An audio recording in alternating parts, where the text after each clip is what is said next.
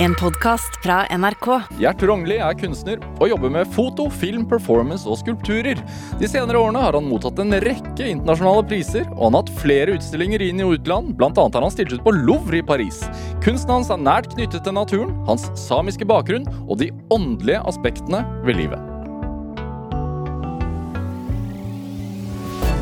Dette er Drivkraft med Vegard Larsen i NRK P2. Gjert Rognli, velkommen til Drivkraft. Tusen takk, fantastisk å komme hit. Hvordan har du det? Nei, veldig bra. Veldig godt å være her. Det er godt å ha deg her. Ja, takk. Det er det fin greie det er. Jeg må, snak jeg må, snakke om det. Altså det, det ble jo oppslag nå i, i, i en del medier eh, da, da, eh, årets høstutstilling ble lansert. Ja. Hvem som fikk lov til å være med der og stille ut. Ja. Noen var sinte. Jeg husker Odd Nerdrum reagerte sterkt for at han ikke fikk være med. Ja. Og så ble det også satt fokus på deg at du ø, fikk plass i år. Ja. Etter Altså, du er 55 år, og du har søkt uh, for å få stille ut på Høstutstillingen i over 20 år. ja, kanskje mer, egentlig. Kanskje mer? Hva, hva er det hva, hva, Nå er høstutstillingen over for i år, da, men, men, men hva er det som Altså, Hvorfor har du søkt år etter år når du bare har fått avslag? Nei, du veit det at som kunstner så får du jo mest nei. Og det er jo jeg vant til. Ja. Så for meg betyr jo nei ingenting. Fordi at av og til så kommer det et ja, og det er når det kommer, eh, på de beste måtene, så kommer det veldig godt. Så jeg har jo lært i livets skole at et nei gidder jeg jo ikke å høre på. Så der har jeg vært på en måte, jeg har vært veldig sånn eh, tro mot meg sjøl og stått hele tida i den hva jeg skal si, Det blir nesten en rytme at jeg veit når du må søke. Jeg søker, og så har jeg liksom sendt inn forskjellige typer verk. da. Skulptur, fotografi og alt mulig rart. Men så var det jo i år, så slo jo det til. Og det var jo en fantastisk opplevelse. Fordi at sånn som jeg ser det, er at uh, å komme med på høstestillinga uh, i forhold til det kulturlivet Norge har, er veldig bra. Jeg syns det er et kvalitetsstempel eh, som kunstner, og, og derfor var det også veldig viktig for meg, kanskje mest personlig, eh, å, å komme med fordi at jeg eh, det sånn? trengte det kanskje inni meg sjøl. Ja, hvorfor det? Nei, det kanskje bare Jeg vet ikke, bare havna Kanskje, kanskje det er et rart fokus, men, men for meg har det alltid vært viktig eh, Tidlig på 80-tallet gikk jeg på tegning, form og farge, og vi alle snakka om wow, tenk å komme på Østutstillingen. ikke sant? Årene har gått, og, og sånt, så, så, så Nei, det, ble, det var viktig fordi at det er rett og slett et eh, kvalitetsstempel. Me, Uh, mer, enn et, mer enn et utstillingsvindu? Så er det sånn, et sånn godtatt stempel, liksom? Ja, det er jo, altså selvfølgelig er jo fantastisk at eh, det, alle aspektene med høstutstillinga, og det, det, det, det som det utstillinga gir deg, da. Så, så men, men for meg ble det egentlig mer sånn personlig at jeg tenkte wow, nå fikk jeg det til. Fantastisk. Endelig klarte jeg det. Det liksom, og det har ikke jeg liksom Og så var det så godt på en måte at eh, du Jeg gidder ikke høre på det nei-et, og istedenfor tro på ja-et. Ja. Hæ. Er det de avslagene, de over 20 avslagene, er det med en begrunnelse, eller er det bare sånn? Nei, det, nei. Altså, du får jo aldri begrunnelse på nesten noen steder. Så du, du, det er bare avslag, avslag, avslag. Så, og det er egentlig det er jo helt greit, for du må jo liksom bare finne ut av ting sjøl. Og det er jo helt fint å, å finne ut av sjøl. Og tenkte ok, det var kanskje ikke så bra det du sendte inn, så da gjør du det bedre neste år, da. Ja, blir man, ja, altså, ja, Tenker du sånn da? Altså, Blir du selvkritisk over de verkene du sendte inn, eller tenkte du de, de skjønner det ikke?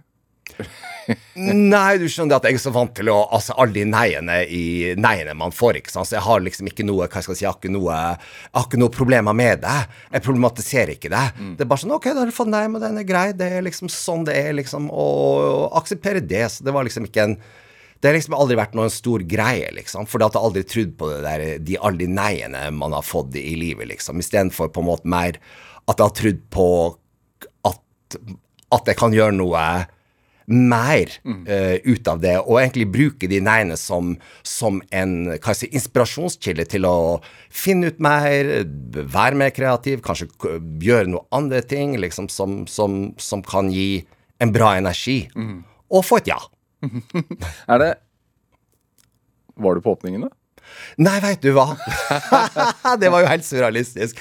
Men liksom, jeg var jo oppe i Nord-Norge, for at jeg jobba jo med film til New York. Jeg jobba med fotografi, eh, og i det hele tatt, liksom. Så der sto jeg oppe i Nord-Norge og jobba med, med prosjekter mm. oppe i Mandal, hvor jeg kommer ifra, da. Så det, jo, så det var jo sånn der merke, mer, Endelig fikk, fikk du Ja, være med, og så ville du ikke, eller så kunne du ikke. Ja, ikke sant? Og så ble det veldig sånn Ja, men livet går jo videre. Uansett hva som skjer, så går det jo livet bare videre. Og så er det jo bare å stå der og jobbe, da.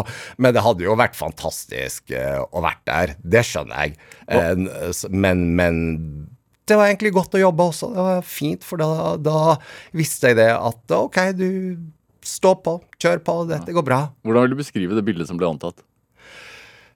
Altså, det her er jo en gjettegryte i en foss som er, tilhører min familie oppe i Mandalen.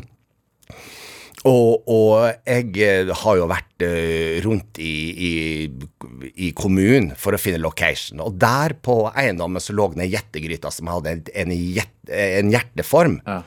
Og, Hvor svær er den? Uh, hva skal jeg si 60 centimeter brei, da. Ja.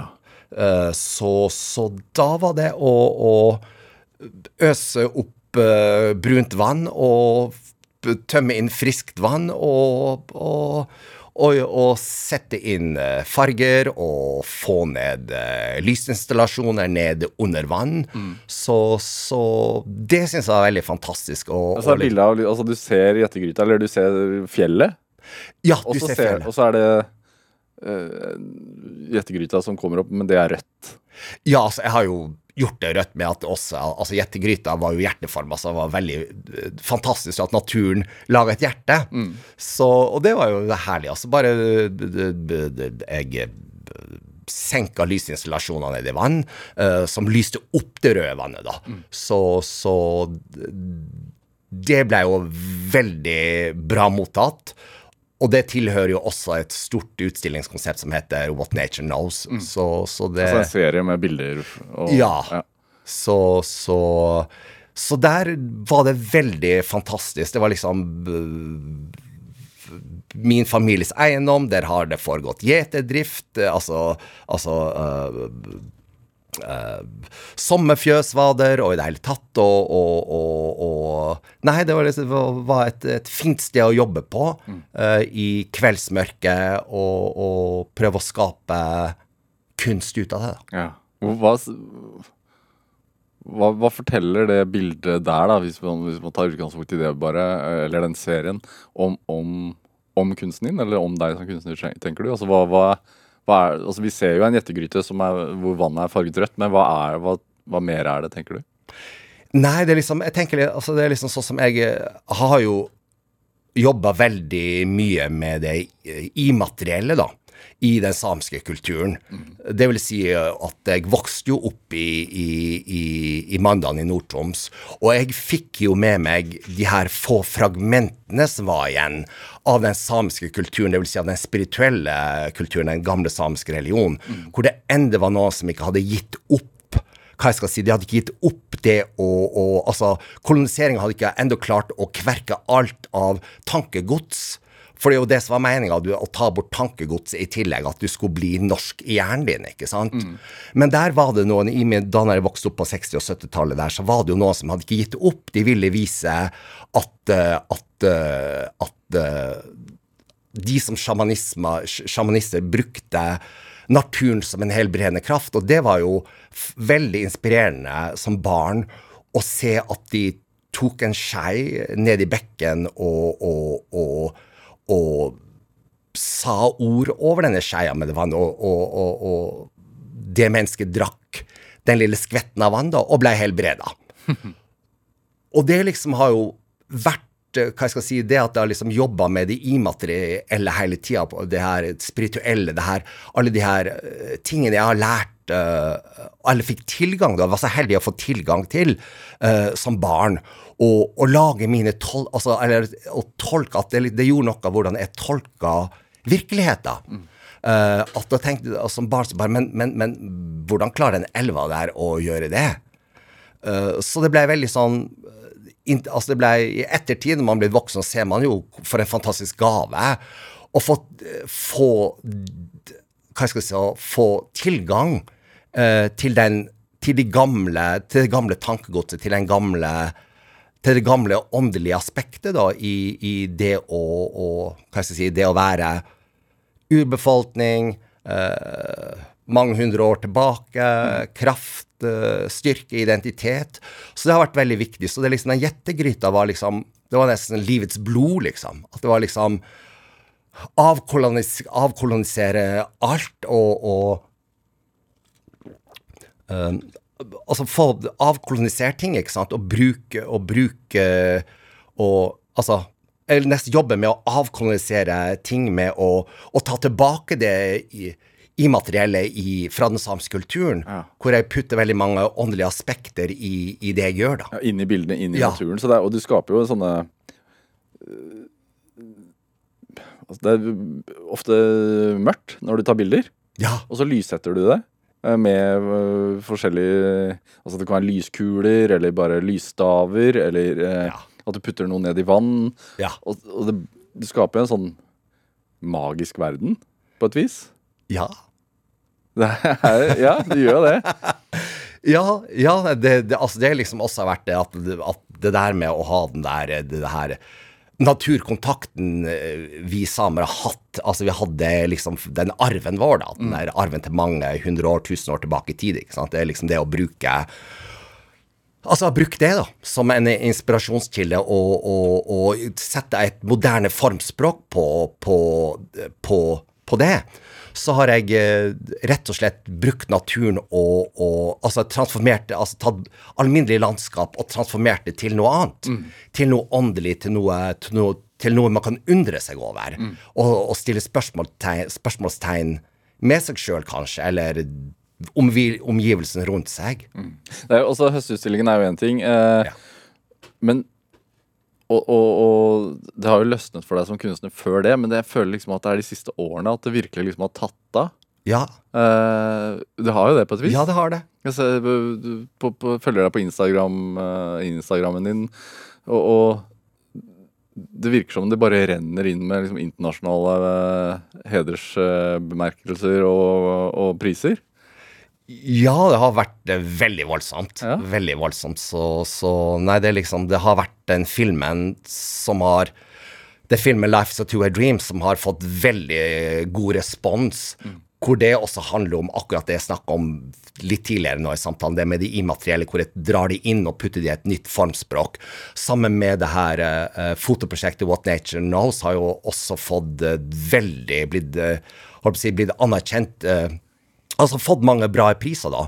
Så er det, det er veldig fantastisk å se at den samiske kulturen den treffer en nerve. Altså, altså, altså at det har klart å lage det, det, det eierskapet i den samiske kulturen, og, og, og har fått inn i et moderne formspråk, og at uh, ute i den store verden så skjønner de noe av min arv med å si at dette vil vi gi en pris for. Fordi at vi ser at eh, Jeg vet ikke hva de ser, men de ser i hvert fall noe som de reagerer positivt på. da. Og det er en god ting. Dette er Drivkraft med Vegard Larsen i NRK P2. Og i dag er kunstner Gjert Rognli hos meg i Drivkraft på NRK P2. Du nevner Mandalen, eh, Kåfjord, Nord-Troms. Du er derfra. Hva, Ja. hvordan, hva slags sted er det? Eller var det da du vokste opp? Altså, det stedet var jo et eh, Det var jo et sted som var prega av, av fornorskning. Det var prega av lesbianisme. Hvordan, hvordan ser det ut der? Altså, jeg har aldri vært der.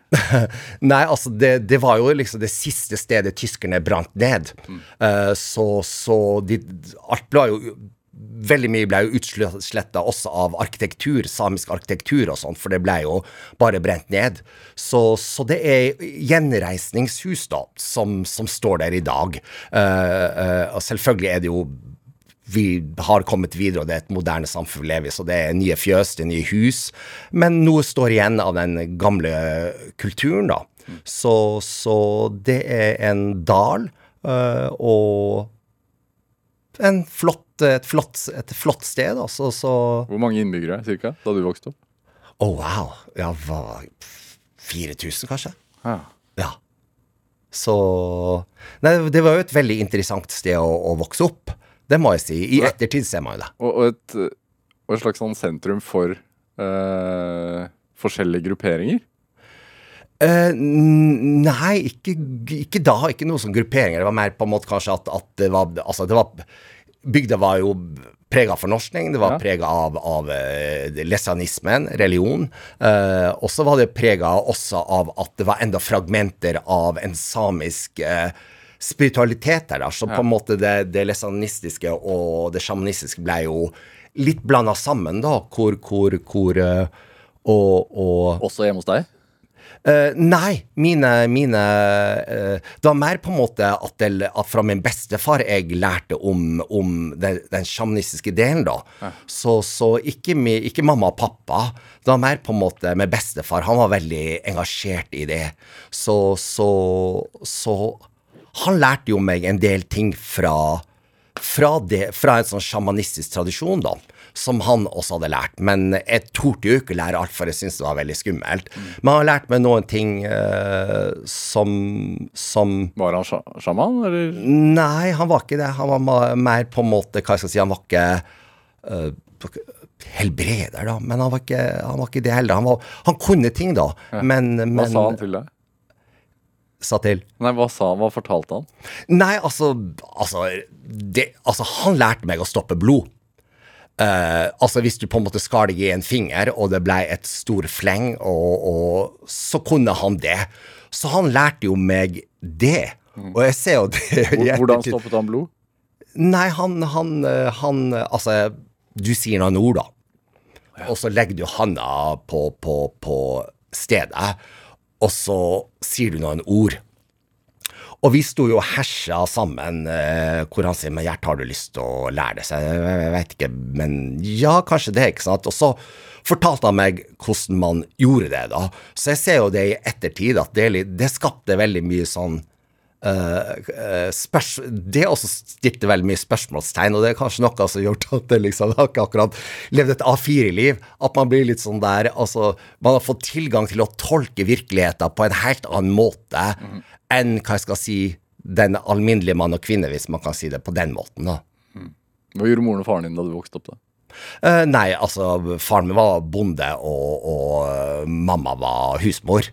Og så begynte hun å jobbe litt, og, og sånt også. Så det var en si, tradisjonelt uh, kjønnsrollemønster da, eh, i, på 60-70-tallet. Ja. Religiøse? Nei. Nei, Nei. ikke i det hele tatt. Nei. Er det Men læstadianerne, Ja. hvordan prega de bygda? Eller Ja, hva skal man si om det? Uh, altså, det, det prega i den forstand at det, det var veldig religiøst. Altså, det var liksom Damene gikk med skaut, og, og uh, hver søndag så gikk du på bedehuset for å, for å holdt på å si, rense deg alle dine synder. Så, så eh, For Ja. læstadianerne, altså en litt sånn streng luthersk Ja, Ja. ja. Så, men, men den som var i Mandal, var jo en mildere form, da. Uh, enn kanskje ma mange andre steder oppe i Finnmark og sånt, liksom. Eh, så Men uh, det var jo det det var, da. Så Men jeg hadde jo ikke noe sterk tilknytning til det, da, fordi at mora og faren min orka jo ikke den greia der. Så, så, så jeg var jo fritatt fra å gå i bedehuset. Jeg var jo fritatt fra det her, det, det, det åndelige akseptet da, eller aspektet i, i bygda. Da. Så jeg, kunne, jeg trengte ikke å Jeg hadde egentlig ikke så veldig stor kontakt med det, da. Nei. Men, du, men naturen, hvor viktig var den? Eh, altså, når du, opp, når du vokste opp der, så var jo bare nat naturen var jo bare der. Men så det er liksom sånn som når du i ettertid, eh, når du begynner, når du har liksom klart å sortere livet ditt og sortere tankene og blitt eldre, så ser du jo uh, hva det har betydd for deg, og hvordan du har uh, hva skal jeg si, hvordan du har uh, forvalta deg i deg sjøl, da. Så, så det har jo vært en gave med, med å, å ha den nærkontakten til naturen og, og det det gir. Det er liksom sånn Sånn som i Japan, ikke sant, så skriver de jo ut resept 'gå i naturen'. Det er liksom ikke medisin her. Her skal du få en resept, vær ute i naturen, og, og, og, og finn så kanskje du altså finn, finn noe bra der. Noe medisinskt. Du, du nevnte at eh, bygda var preget av fornorsking. Hvordan mer merka du det? Nei, altså det blir sånne ettertidstanker, det her, da. Ja. Det blir veldig ettertidstanker. Fordi at eh, Altså, ung, Som ung så veit man jo ikke noe annet. Nei, det var liksom Altså, jeg, det liksom, jeg ble jo ikke same før jeg kanskje var 30, ikke sant? Fordi at det, det var jo totalt fornorskning. Det eneste Det var 100% fornorskning, ikke sant? Så, så jeg hadde jo ikke noe kontakt egentlig med med den, si, med der, den store sfæren som var før av alle aspektene med samisk kultur. Jeg fikk tilgang til, til eh, Var det litt sånn hysjet ned, liksom? det var veldig det. Ja. Det, var, det var jo veldig skambelagt. Så, så man skulle jo ikke være same, og, og, og det var noe man Altså, det ble jo ikke sett eh, til som noe positivt i det hele tatt. Så, så det var liksom det å være norsk som var et kvalitetsstempel. Bare var, når du var norsk nok og kunne snakke perfekt norsk, så var jo det et kjempekvalitetsstempel, for da hadde du liksom fått tak i livet. Det var sånn det skulle være. Da skjønte du retninga det skulle gå. Så, men så har det jo skjedd en utrolig revitalisering av det samiske språk, av bygda. Riddu Riddu er jo kommet inn, den der eh, festivalen. Så det har skjedd ekstremt fantastiske ting med å finne tilbake til, eh, til gamle Altså til den eh, Til klærne, til, til språket, og i det hele tatt, liksom. Så, så det har vært veldig eh, hva, skal jeg si Man har tatt tilbake, da. Koloniseringa har ikke klart å, å Det er liksom Bygda er avkolonisert. At man liksom har tatt tilbake det man eide før, da. Men hvor, det hvor viktig er det for identiteten til de som har bodd her i generasjoner, tror du? Altså, jeg tror Altså, jeg kan jo bare snakke for meg sjøl, ikke sant. Det, det å, å, å komme Altså, hva jeg flytta hit til Oslo da jeg var 18 år, og man hadde party og fest, og det var liksom Jeg tenkte jeg skulle aldri engasjere meg i Nord-Norge. Jeg skulle liksom til det moderne Oslo, til å leve det moderne livet, ikke sant. Og så gikk jo årene, ikke sant, og så plutselig så ble jo det jeg hadde Det jeg opplevde, og det jeg hadde oppe i Nord-Norge, var jo det mest viktigste, mest verdifulle, det, mest, det som ga det uttelling de luxe uh, i kunsten, meg som menneske i det hele tatt, liksom. Så jeg må jo si det at, eh, at det som var der av, av kult... Altså det, de fragmentene som var der, har gjort mye med meg, og at, og at eh, de, Altså At bygda og kommuner tar tilbake identiteten sin. Det er jo veldig fantastisk. Så nei, for meg har det jo vært eh, en gave. Rett og slett en gave. Å å bli same, egentlig, i sein alder. Og veldig berikende. Var det et ja. Var det et valg? Uh, det var et valg, egentlig. For at du trenger ikke å velge det. Nei. Det er mange som velger det. Fremdeles i dag er det mange som velger å ikke være samisk. Eh, men det, jeg tror ikke det er mange av de. Eh, for nå går jo vi med stormskritt framover. Mm. Men du, du valgte å ikke være det en periode? I, I deg selv, liksom? Eh, nei, jeg var egentlig ikke Det var ikke sånn Jeg var egentlig ikke bevisst på det, for jeg var så fokusert på mitt eget liv i Oslo. Og så dro jeg tilbake, og så så jeg liksom Oi, wow, alle er jo døde her. Altså, de gamle, fantastiske menneskene som jeg kjente så godt, de forsvant. Og plutselig så ble det avbefolkning, det ble stille. Og det gjorde jo veldig mye at jeg begynte å stille spørsmålstegn, spørsmålstegn med, med bygda og hvor jeg kom fra, og jeg satte i gang med, med bokprosjekt eh, og filmprosjekt og fotoprosjekt i forhold til at jeg dokumenterte det forfallet og, og den forandringen som har skjedd oppe i nord, da. Så, så Nei, det vært Det var utrolig fantastisk å å komme tilbake til, til Mandal, til kommunen, og se det at det er jo Altså, der ligger det, der ligger det masse energi, masse informasjon, som jeg liksom ikke har vært engasjert i. Altså, plutselig så ligger jo drivkrafta der. Nå sa jeg det programmet heter. Nei, men det var liksom Nei, så det er Nei. Altså For Men- å bygge, bygge opp din egen identitet igjen, liksom? For å finne tilbake litt til deg selv også? Ja, veldig det. Veldig det. Så, og, og plutselig så alt det liksom jeg tok for gitt, men tenkte ja, ja, ja, herlighet, hva er det? Ikke sant? Plutselig ser jeg at wow, dette er jo fantastisk, dette du herlighet. Hva har ikke du fått tak i, hva har ikke du opplevd, hva har ikke du sett, hva har ikke du Hva, hva da, for eksempel? Nei, det er liksom det å få tak i det åndelige aspektet i forhold til de, det, var enda fragmenter av en, en, en, altså en sjamanistisk religion der. Eh, det var å se helbredelse, det var å se eh, Altså hva naturen betydde, har betydd og betyr for mennesker. Og den sjøsamiske kulturen og alle de her eh, Hva jeg skal si Det som var, og det som er litt borte, og det som er nå, og framtida, ikke sant. Så det er en sånn herlig pakke som er livsgivende. Hva drømte du om som barn? da? Hva drømmer man om når man vokser opp som barn i Mandalen? På, uh, man på drømmer vel år siden? Man drømmer å komme bort. ja. Ja, man drømmer å komme bort. Men altså, det er ikke, det er jo ikke noe eh, stor greie, fordi at alle må holdt på å si Det fins ikke en videregående skole der du kan bare begynne på. Du må flytte bort. Uh, så det er jo liksom Det er liksom ikke noe dramatisk med det. Så nei, det var liksom det jeg tenkte. Nei, du, du skal bort. Du skal til Oslo. Du skal eh, Du skal, uh, du skal finne ut av det.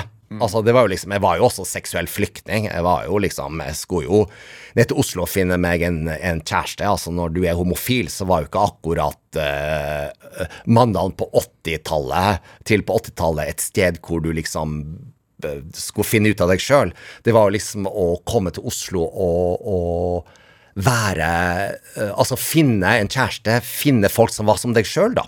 Fant, altså sånn Visste du om andre homofile i Mandalen? Altså, jeg var jo så heldig at mine to beste, mine beste barndomsvenner Mine to beste barndomsvenner ble homofil, som jeg vokste opp med. Det var jo helt utrolig. Så det, det var jo fantastisk. Vi bare reiste sammen til Oslo og hadde det gøy. Så, så, så det var jo en, en fantastisk gave, liksom, at jeg var jo aldri aleine. Det var bare jøss, yes, hva er vi? Altså, liksom bare, men du, vet du hva, sa Vet du hva hele kameraten min sier til meg? Og jeg tror vi var sånn 13 år gamle, han sier til meg sånn Vet du hva vi er, Gjert? Vi er homo. Hæ? Ja, hva er det for noe? Å, er det det, ja? Ok, ja, selvfølgelig, det og det. Ja, vi er det, ja, selvfølgelig, ikke sant? Så det var jo bare egentlig veldig, en veldig positiv livsreise som, som, som var utrolig spennende og morsomt. Altså. Så, vi reiste alle sammen på samtidig ned til Oslo og skulle finne ut av livet og finne ut av uh, seksualitet og finne folk som var oss sjøl. Og i det hele tatt, så det Nei, det, det Det vekker gode minner, ser jeg. jo, jo. Så det var, nei, det var veldig Det, det var en, en stor gave å få tilgang til det, for det er ikke alle som får det, som jeg har vært veldig aleine, da. Nei. Det passer kanskje da å spille litt Depeche Mode? Ja. ja du, har med, du har med Policy of Truth. Hvorfor det?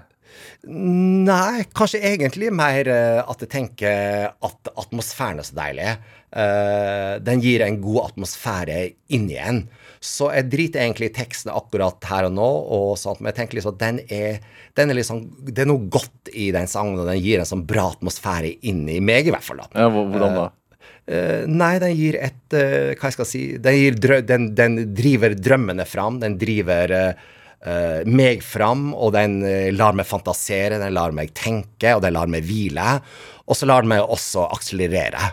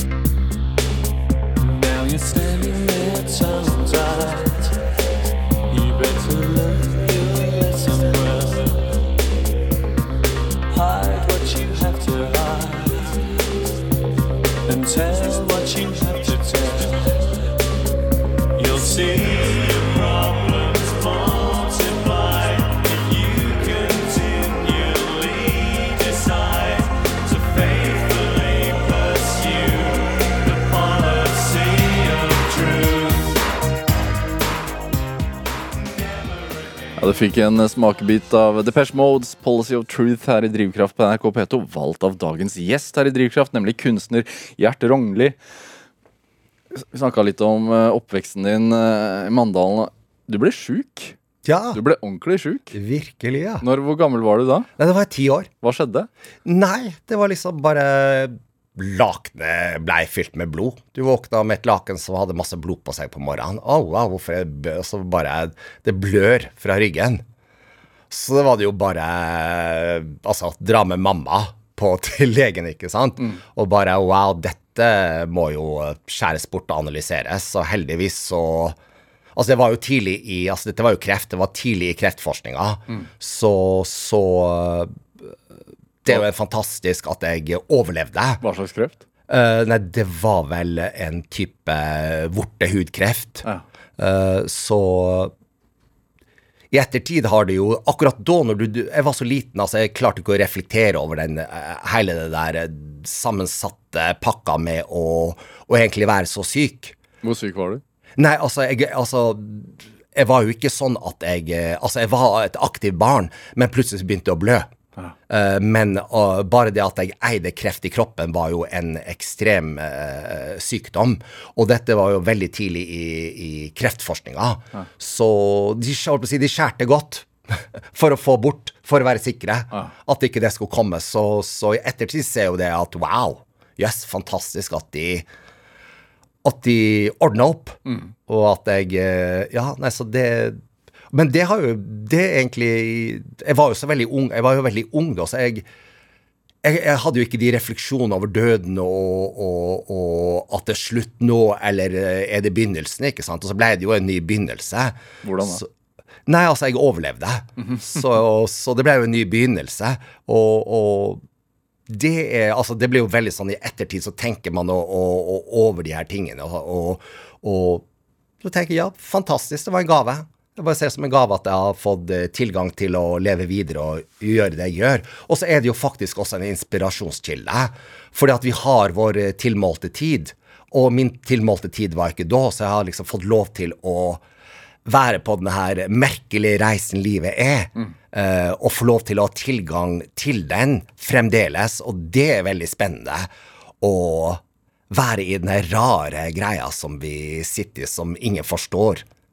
Merket du Altså, du sier at du var, du, var et barn og ti år og klarte ikke å reflektere over det eller ta det helt inn over deg, men merket du liksom et alvor rundt det hos foreldrene dine?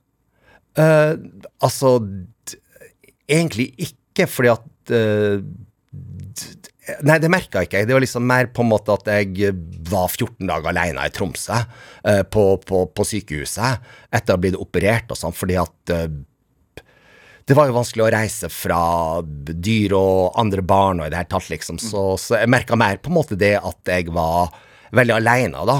Eh, men, men Hva gjorde du da? Nei, altså det som var så fint med det, når det het Tromsø regionsykehus i sin tid, de hadde jo en veldig flott avdeling som var en kulturavdeling. Og, og det bare satt i trappa og kjeda meg på sykehuset etter stingene satt enda fast på ryggen etter de, etter de hadde operert meg. Så kom det en dame. Men du, vet hva det vi har et, et, et verksted her. Du, du kom nå ned, og så kan du jobbe med ting, ikke sant. Så det var en utrolig herlig greie som gjorde mye med at jeg kunne lov til å sitte og, og banke bilder ut i kobber, og, og, og lage trådbilder og alt mulig rart. Så det var jo det var en fantastisk gave i, i den hele den prosessen med at jeg fikk utfolde meg kreativt under det her, eh, det å bli helbreda, da. Ja. Hadde du gjort det før? Ja, øh, øh, altså på skolen var det jo alltid sånn at de beste karakterene lå, lå på det stedet hvor, krea, hvor kreativiteten Hvor det handla om kreativitet. Der lå de beste karakterene. Så, så jeg hadde jo gjort det før, men, men jeg fikk jo lov til eh, å bruke og, og, og gjøre ting og bruke andre materialer som jeg ikke hadde brukt før. F.eks. banke ut et bilde i kobber og forskjellige ting. Og så hadde de et annet type fokus uh, i, på Tromsø regionsykehus, hvor jeg fikk Ja, nei, det var hyggelig. Bra tilgang på materiale og kreativitet. Så det, det var veldig bra i den helbredelsesprosessen. Du, fortal, du fortalte tidligere at du, dro til Oslo for å eh, finne deg sjæl, holdt jeg på å si. Ja. Uh, hvordan var det egentlig å, å være homofil i, i Norge på 80-tallet? Ja, nei, det var en kraftig greie, altså. Det var, det var sterke saker. Uh, jeg hadde jo min familie og hadde mine andre homofile venner som vokste opp med, så vi var veldig heldige. Vi laga en veldig fin ramme rundt oss, da. Eh, men det var jo sånn på nyhetene hvor det var heftige prosent, uh, prosenter av den norske befolkning som syntes at homofilitet, homofilitet var noe verre herk. Så det var veldig sånn, når du leste det, så bare wow, er det liksom så mange som tenker det at, min, at jeg er noe Altså en minusvare, da. Så det er ganske sånn heftig å liksom få det fra storsamfunnet og fortelle det at eh, Nei, du er ikke bra nok. Du er ikke god nok. Både same og homo. Ja, altså, akkurat da eh, var jo jeg gikk, Hadde jo ikke ennå jeg blitt samisk. Nei. Så, det å Når jeg, tenkte, var det to, to, to ting som, som det norske storsamfunnet Ja, var litt skeptiske til, liksom? Ikke sant, men jeg var jo fornorska, så jeg visste jo ikke at jeg var samisk. Så jeg hadde jo egentlig nok med å være homo. Eh, men så ble jo jeg Så, så, så ble det jo sånn at jeg eh, skjønte det at jeg hadde en dobbeltminoritet. Men når jeg hadde blitt såpass eldre og liksom tok det samiske til meg, så ble jo min dobbeltminoritet bare et fantastisk krydder til meg som menneske, at det, den, det samiske aspektet, at jeg var en homofil same, det ble jo bare en fantastisk gave. At bare, wow, hva kan jeg trekke ut av det? Hva er, hva er det som skjer her? Ja, selvfølgelig, her er det masse energi. Der er det veldig mye bra. Ja, Du har lagd noen verker om det også? Ja. Tidlig på, på 2000-tallet så laga jeg filmen The Spiritual Kiss. Uh, Som er Unnskyld. Nei, er, hva, hva er den filmen? Uh, nei, det, det, det handler da litt Det spirituelle handler da også om det spirituelle. Om å trekke litt inn referanse fra andre urfolkskulturer kulturer på, med at, at uh, skeive ble sett på som en, eh, en spirituell ressurs, da. eh, i, I et sånt I et uh, Med urfolk rundt i verden. Så, så da peisa jeg på. Uh, Laga Spiritual Kiss og, og, og dro inn det spirituelle aspektet også inn i det, da. Og det var jo Altså, det var veldig det var litt sånn Det var litt sånn Jeg hadde Premieren var oppe i Kautokeino uh, på filmen, uh, og, og det var liksom De historiene som kom fram i, i holdt på å si, under og etter premieren, var jo litt sånn sterke, da, med at, at, eh, at eh, det var sånn at til og med hvis du var i slekt med en eh, homofil, så fikk du også gjennomgå. Selv om ikke du sjøl var homofil, bare for at du var slekt med en som var homofil. Det var tidlig 2000-tallet, eh, med å være homo i Sápmi. Men heldigvis har det jo skjedd en fantastisk eh, eh, progresjon. Nå er det jo eh, nesten fritt Altså, nesten, altså, nå er det jo bare å leve som homofil. At det er, nå er det akseptert, nå er det en helt ny verden som åpner seg. Og det er jo den fantastiske samfunnsutviklinga som har vært med at Og at, eh, at eh, ting har blitt mye bedre for svake grupper og grupper i samfunnet som, som ikke blir sett som noe bra ressurs, da. Mm, Tror du det, i, I filmen så er det jo eh, to menn i, i samedrakt som kysser, Ja. eh, blant annet. Tr- Tror du Fikk du noe Hva slags reaksjoner fikk du? Nei eh, Altså, i den tida var jo egentlig jeg veldig tilbaketrukket som menneske. Uh, selv om jeg jobba veldig med sterke temaer. Så jeg sto ikke akkurat på, på, på, på, høye pidestaller og, og ropte ut meningene mine og, og i det hele tatt, liksom. Men den filmen gjør jo det. Den gjorde det, men jeg, men jeg, jeg, jeg, var veldig tilbaketrukket, så jeg fikk ikke høre så veldig mye om, om det. Men i ettertid, faktisk, i, nå, i en alder av eh, 55 år, så har jeg fått hørt at den filmen virkelig redda meg. Den virkelig brakte meg eh, eh, framover i livet til å tro på meg sjøl, som same, som homo. Og det er litt artig at eh, så at det har gått så mange år, og så fikk jeg tilgang til den informasjonen nå i en alder av 55, det var fa fantastisk, tenkte jeg. For jeg har bare tenkt ja, ja, det var nå bare et eller annet kunstprosjekt som jeg har jobba med. Mm. Og så ble det så bare wow, dette gir jo, dette jo, gir mening. Dette, det gir jo mening til meg sjøl, ikke sant. Så så det var herlig å få tak i den biten som tilhørte den filmen, da. Og at det, at det betydde noe for noen andre? Ja. Det var Det syns jeg var Nei, det var virkelig noe som jeg eh, ble veldig glad for. At uh, For det har vært veldig sånn Ja, ja, det var et, produkt som et annet produkt jeg har jobba med, liksom. Mm. Uh, så Nei, en glede. Mm. At, at den filmen hadde noe å gi. Mm. For at av og til Man vet jo av og til Man vet jo ikke hva som skjer i mennesker når mange sier jo ingenting, uh, og noen sier noen ting uh, uh, i forhold til et sånt produkt, eller et sånt tema. Mm. Så, så, nei, det Nei, det, det I ettertid så gir det mening. Er det det er et annet sterkt bilde fra noen år tilbake. Det er en ung gutt holder en pistol mot hodet. Ja. Uh, som også er vel en sånn kommentar til en selvmordsbølge eller noe sånt? Var det ikke? Ja. ja. ja. Nei, det var liksom det, det, var Altså, det var flere i min vennskapskrets som tok selvmord og bekjente, da. Mm. Så begynte jeg å tenke at uh, at jeg ville gjøre et verk på det, uh, og sette fokus på det, det temaet. Mm. Så det var også det, Først ble det jo stilt Det ble jo først stilt ut på, på Pride Art, altså under, uh, under, homodagene som er hver sommer i Oslo, mm. uh, hvor jeg liksom ville sette trøkk på, på den historien med folk som ikke holder ut å være her av forskjellige grunner. Så jeg bruker et veldig sterkt uh, uh, uttrykk mm. med å si at uh, unfuck yourself med en, en, gutt som står der i samedrakt og holder en pistol mot hodet sitt. Uh, uh, fordi at det ble veldig viktig for meg å, å, å, å si noe om det på min måte. Uh, og det ga jo også altså Etter hvert så kom jo også Som var veldig, som jeg var litt takknemlig for at NRK også ville snakke om det.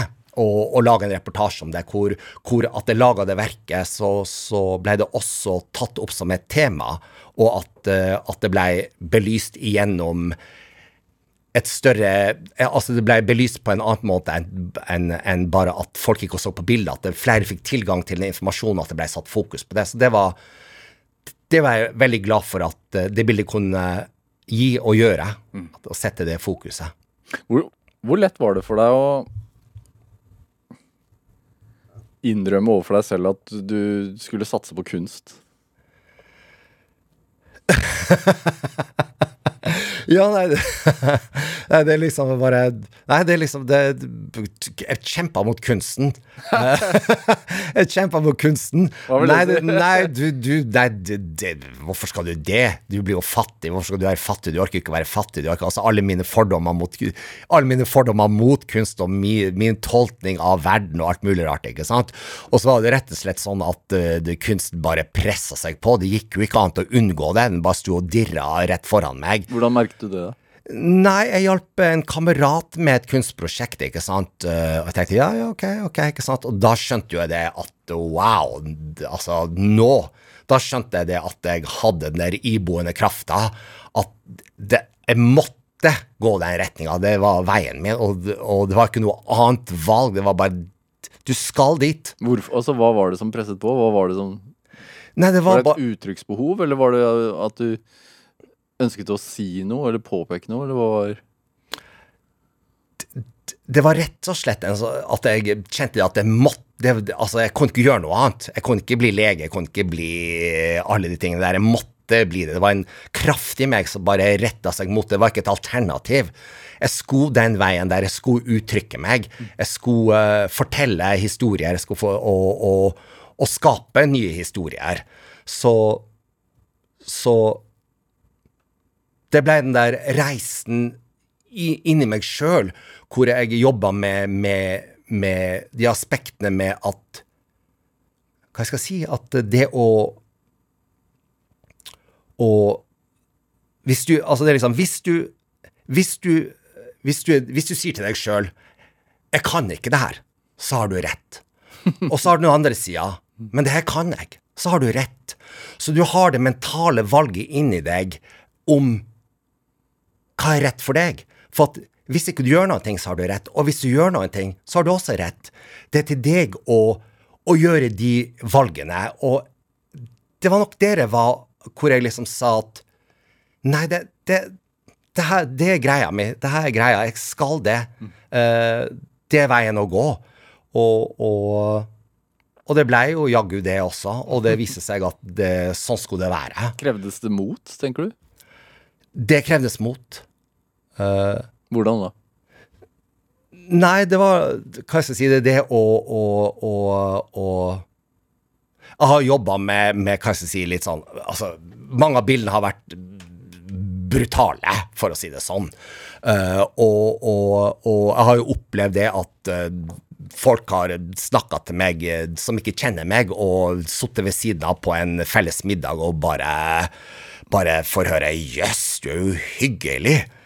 hyggelig'. og det er jo liksom bra pekepinne, hva jeg skal si, for meg sjøl, da, at, at at selv om, jeg, at, selv om jeg jobber med mange av de tingene, så er ikke kunsten Mange ganger er ikke kunsten meg.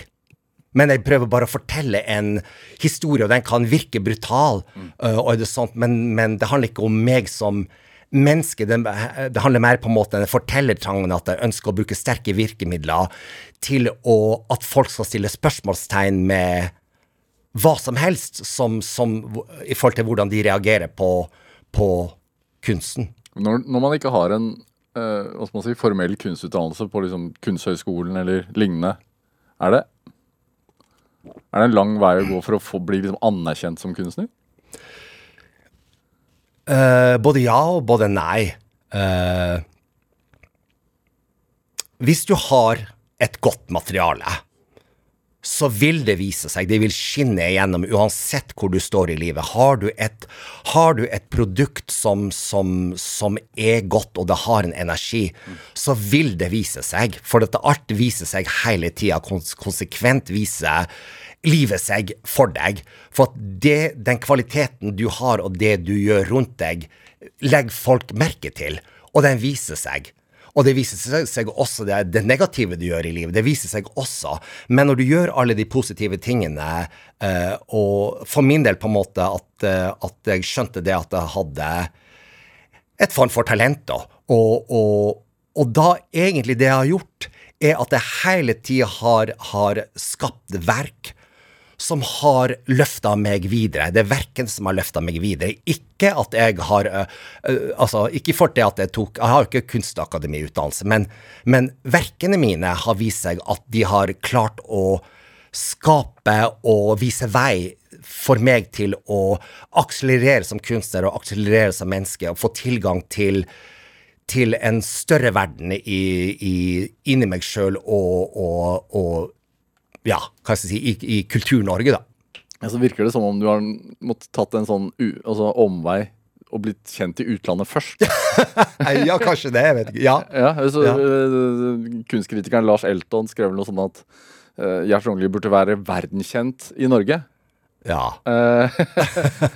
Uh, så, så, og det og, og, du har jo fått masse uh, oppmerksomhet i, i, i internasjonalt. Stilte opp på Louvre, annet. Og, uh, den der filmen 'Life is a Two-Way Dream' ja. har blitt vist i er, hvor mange land? Jeg vet ikke. Altså Nå er det i hvert fall vist i, på, på 70 filmfestivaler rundt omkring i verden. Mm. Så akkurat nå så er den jo tatt ut som en semi, semifinalist til, til Kairo Indian Short Film Festival. Så, så eh, det går her, den, den lever fremdeles, filmen den lever, den, den, er, den er fremdeles på en reise, da, ute i verden. Så, men det har vært en utrolig Men det, altså, det har vært litt surrealistisk også, fordi at uh, alt det her har jo skjedd mens covid har foregått. Du har ikke fått vært noen steder? Nei, ingen, det er liksom bare alt bare har vært veldig digitalt. Bare nå kommer det inn på mail. Her, vi, til, til, altså vi gir deg nå en filmpris for best cinemografi, eller best eksperimentell film, eller best spiritual movie, eller ikke sant. Så det har vært veldig uh, covid, men, covid, covid har gjort noe med oss alle, men, uh, men det men fantastisk. Jeg, hadde, jeg trodde ikke det at Jeg hadde jo ingen peiling på hva den, hva den At den filmen skulle få den der Det løftet og den framgangen. Så bare etter hvert bare Oi, der kom en til. Og, ok, ok, oi, jeg fikk en til pris der, ok. Så det var liksom sånn Det var veldig, det var veldig fantastisk, veldig overraskende å se at et, eh, et sånt produkt Det er en, det er jo en eksperimentell film på åtte minutter. Så den har gjort veldig mye ut av seg. De åtte minuttene har gjort veldig mye ut av seg. Ingen, det er ingen mennesker i den. Det er maskiner, natur øh, og bygg. Ja. Og så har jo jeg uh, Så er det sitater som går, jeg, går igjennom, da. Ja. Ja. Så jeg har jo, som jeg har gjort sånn som det, det, fotografiet som, jeg, som ble vist på Høstutstillinga, det er liksom det samme konseptet hvor jeg har uh, uh, designa lysinstallasjoner og, og lagt det ut i terrenget. Hvor, jeg, hvor jeg har filma det med droner og har Ja, og hvor jeg, altså Alt mulig form for, eh, for, eh, for hva si, filmopptak, da. Så, så det er ingen mennesker der. Det er, det er alle de her eh, Hva skal jeg si De her reisene reisen jeg har gjort til Roma, til New York, til eh, Spania, hvor jeg liksom alltid hadde kamera med på ferier og tenkte at eh, OK, filmer jeg, og så får vi se hvor det vil. Men den filmen har alltid, den har vært liksom med meg i i fem-seks år nå, Mm. fordi at alt den har ligget der. Og så liksom sånn at bare OK, jeg skal gjøre en film, og så kom tittelen. Å ja, der er tittelen, nemlig. OK. Hva håper du at jeg føler når jeg ser den? Jeg håper at eh, du egentlig får et sånn svært, fantastisk følelsesspekter i, i deg. At du føler glede, du føler, uh, du føler mørkhet, du føler trygghet, du føler uh, håpløshet, du føler håp, du føler styrke, du føler tap. Altså at du alle de her følelsesaspektene blir stimulert, og at du liksom kan gå igjennom en rekke av, av momenter inni deg sjøl gjennom filmen. Det håper jeg at, at det kan liksom drive drive fram, fram noe i, mennes, i et menneske, uh, på godt og ondt. Lars Rognli, hva tenker du er drivkraften din? Ja, veit du hva, altså.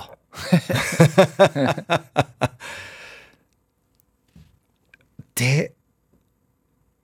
Ja, det har jeg også lurt på. For det, det er liksom Jeg kjenner inni der, inni meg, inni der, et eller annet sted inni meg, så koker det. Det bare koker og bobler, og det bare Bare liksom bare forteller til meg Peis på, det er en mening med, her, med greia. Det er en mening i det du gjør. Det er en mening Det er nesten det er liksom, det er noe liksom ligger inni meg, en, en, en kraft som forteller til meg at, at peis på, det er muligheter her. Det er, er muligheter. Ikke ta nei for et nei. Uh, og, og stå på. Eh, tro på deg sjøl. Ikke, ikke, ikke uh, Det er liksom å gjøre det valget, og, og at uh, du kan velge å tro at det ikke går, og du kan velge å tro at det går. Og jeg valgte den sida. Jeg tror det går. Jeg tror det livet her går bra. Jeg tror den greia eh, med kunsten går bra, og jeg tror det går bra fremover. Og jeg tror at, at krafta vi mennesker har i oss Altså, vi har uendelige krefter i oss som mennesker, og at det nye hva skal jeg si, universet egentlig er å sende romskip inn i hjernen til oss mennesker.